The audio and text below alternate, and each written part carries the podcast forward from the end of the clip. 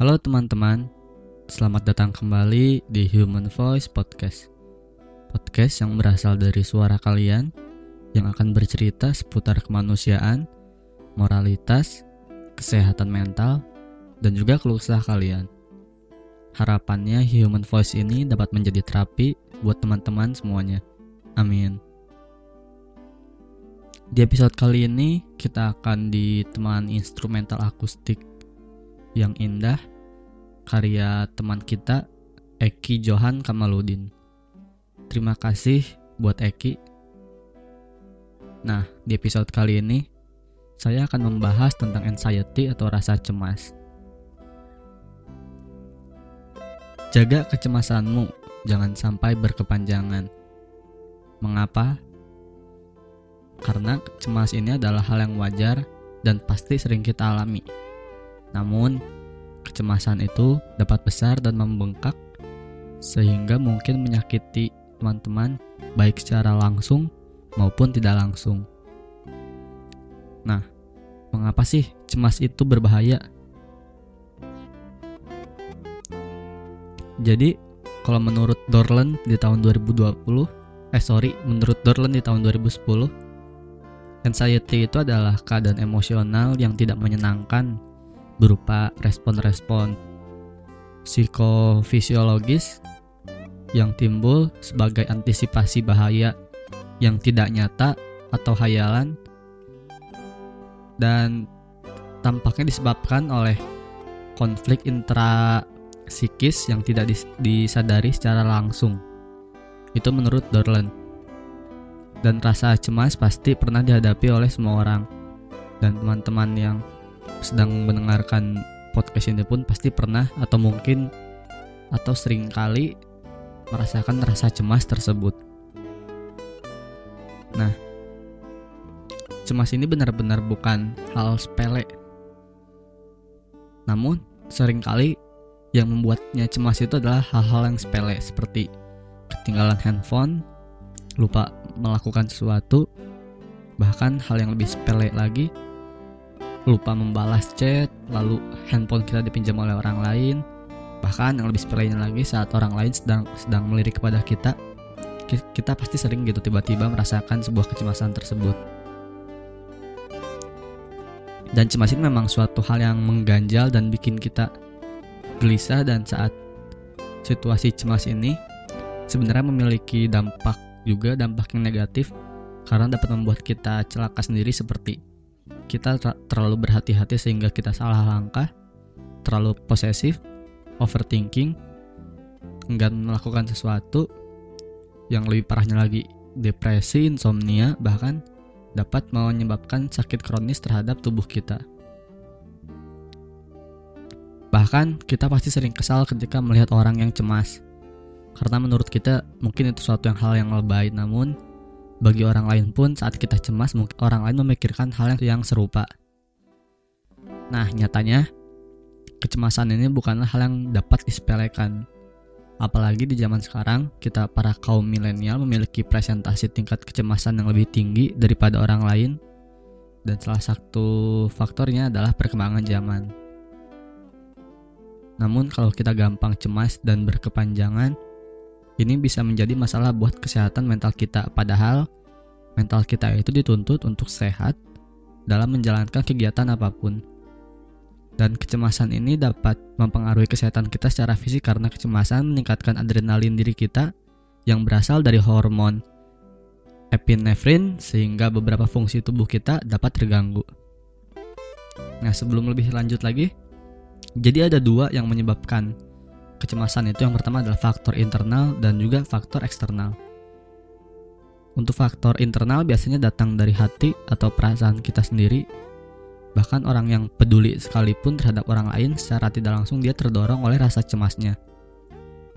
Dan satu lagi mungkin Tuhan memang melahirkan seseorang dengan rasa cemas yang berlebih namun bukan berarti dia akan tumbuh terus dengan rasa cemas seperti itu. Lalu ada juga faktor eksternal seperti yang pertama adalah kehidupan sosial. Jadi di kehidupan sosial kita dituntut untuk beradaptasi terhadap perubahan zaman dan sering membuat kita gampang cemas.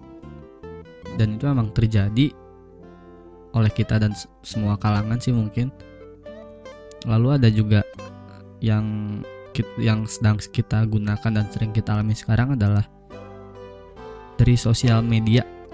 Nah yang membedakan ini kalau faktor sosial eh, kehidupan sosial itu datang dari dulu berkembang dan mengikuti seiringnya zaman sedangkan sosial media ini adalah hal yang baru ada hal yang baru eksis dan bisa dibilang baru membumi dan mengikuti tiap kalangan di zaman sekarang. Lalu juga bisa hadir karena faktor trauma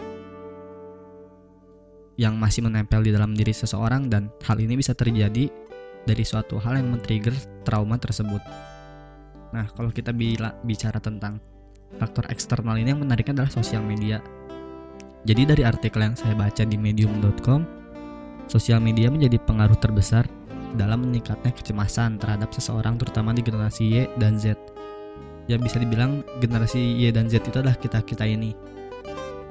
Jadi memang yang wajarnya sih kalau tentang kecemasan itu ya mungkin kita juga tahu biasanya orang tua yang cemas cuman dari dari artikel yang saya baca ini generasi Z dan Y ini terutama Z sering kali mendapatkan rasa cemas dari sosial media. Dan ironinya, kita masih sering menggunakannya walaupun kita tahu isi sosial media rata-rata adalah hal-hal yang toksik.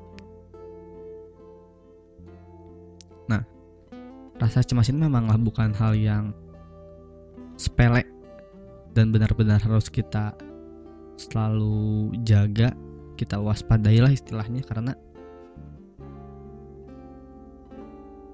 memang ini dapat mengganggu seluruh aktivitas kita jika kita merasakannya karena saya akan berbicara dari pengalaman saya.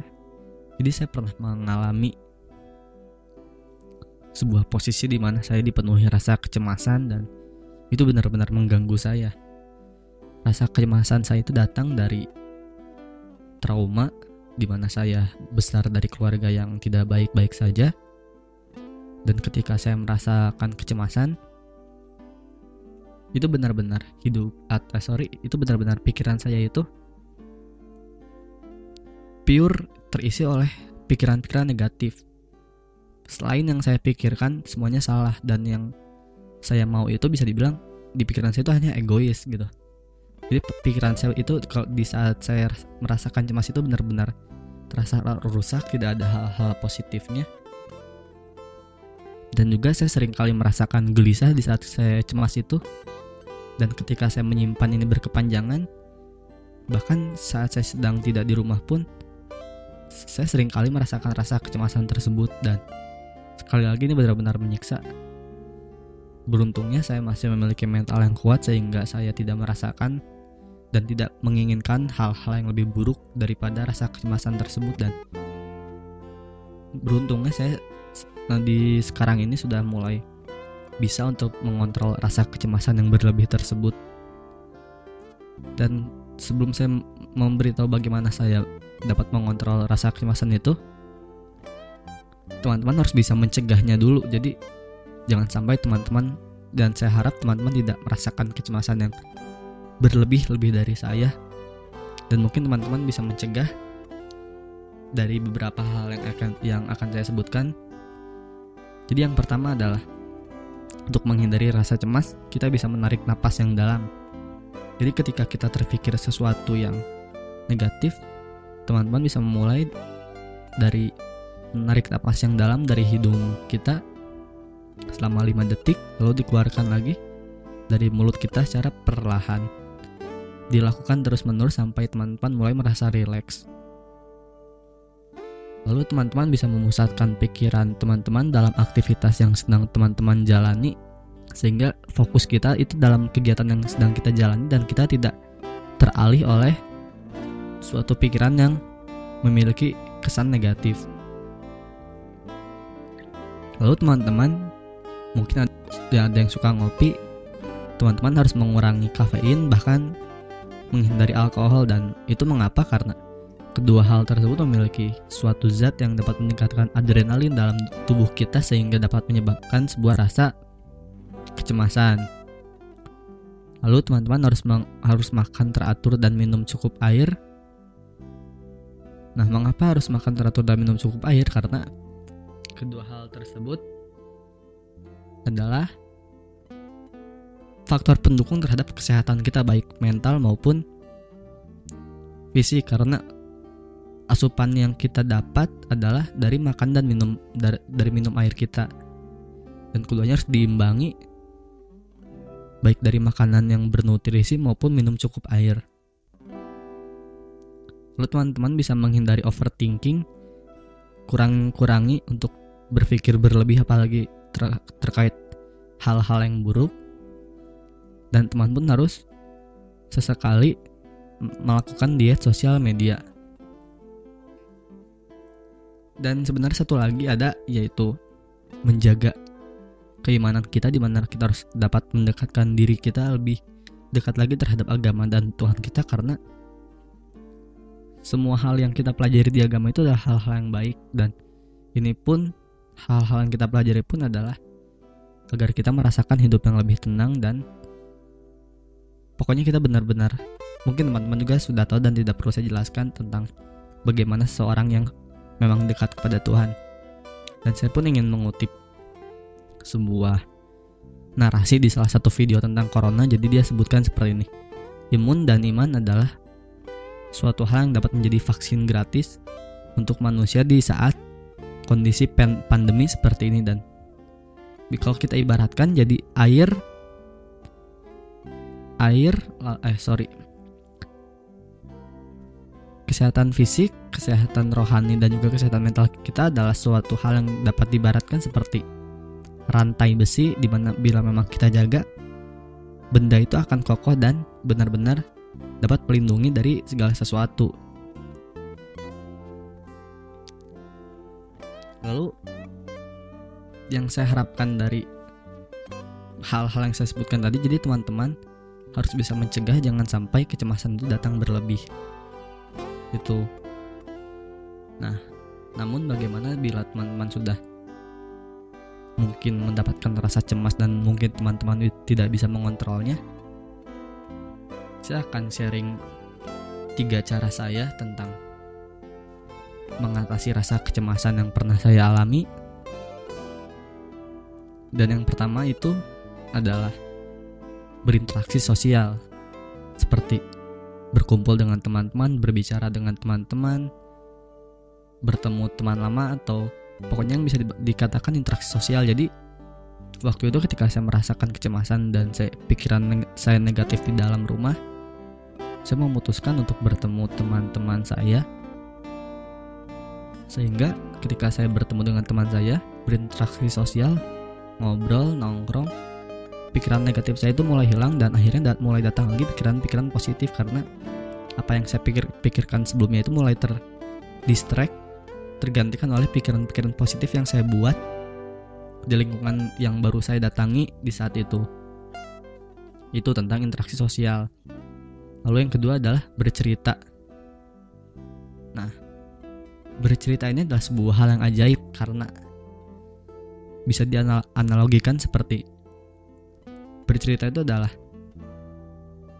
seperti kita mempunyai beban yang berat berada di dalam tas kita dan punggung kita pun menjadi berat.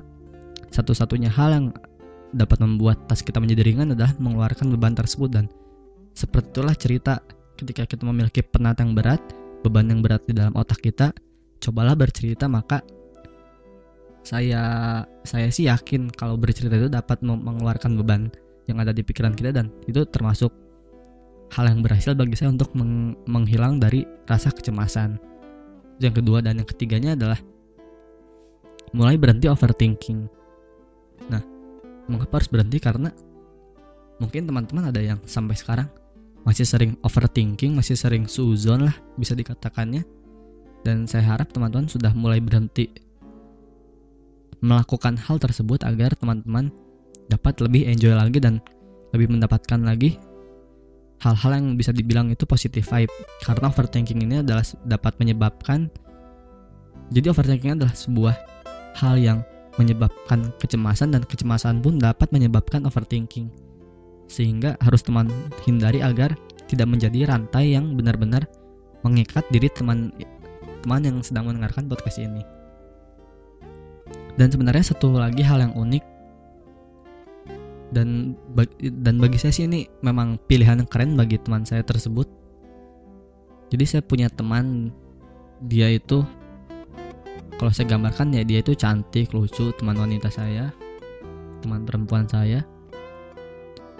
Waktu itu saya bingung kenapa sosial media media dia itu tidak ada dan saya penasaran akhirnya saya, saya coba tanyakan kepada dia. Akhirnya dia itu menjawab sosial media itu sengaja sosial medianya dia itu sengaja dinonaktifkan agar dia tidak lagi merasakan insecure dan juga kecemasan.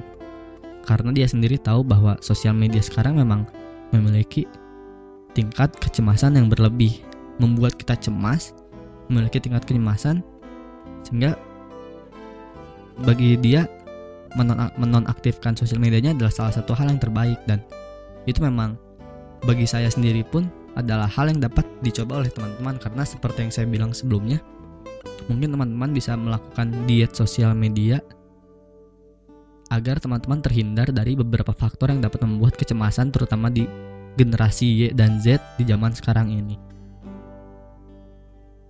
Dan sekali lagi saya harap kepada teman-teman agar dapat menjaga kecemasan teman-teman dan bagi teman-teman yang sudah dapat menjaga kecemasan teman-teman, saya harap teman-teman pun lebih peka lagi terhadap orang lain. Jadi sepertinya jangan sampai ada istilah kalau orang lain yang melihat orang yang cemas itu kesal, lebay atau mungkin jijik.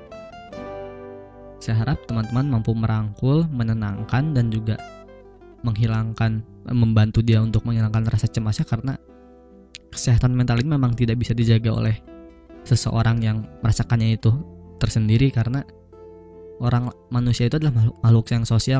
Manusia membutuhkan orang lain agar bisa hidup yang yang sesungguhnya. Jadi kepekaan teman itu sangat membantu. E, sisi teman untuk menjadi pendengar cerita itu udah udah sangat membantu bagi teman-teman yang lain yang membutuhkannya. Jadi saya harap pertama kita bisa menjaga kecemasan dalam diri kita dan juga saya harap teman-teman pun dapat menjaga orang lain agar tidak memiliki rasa cemas yang berlebih.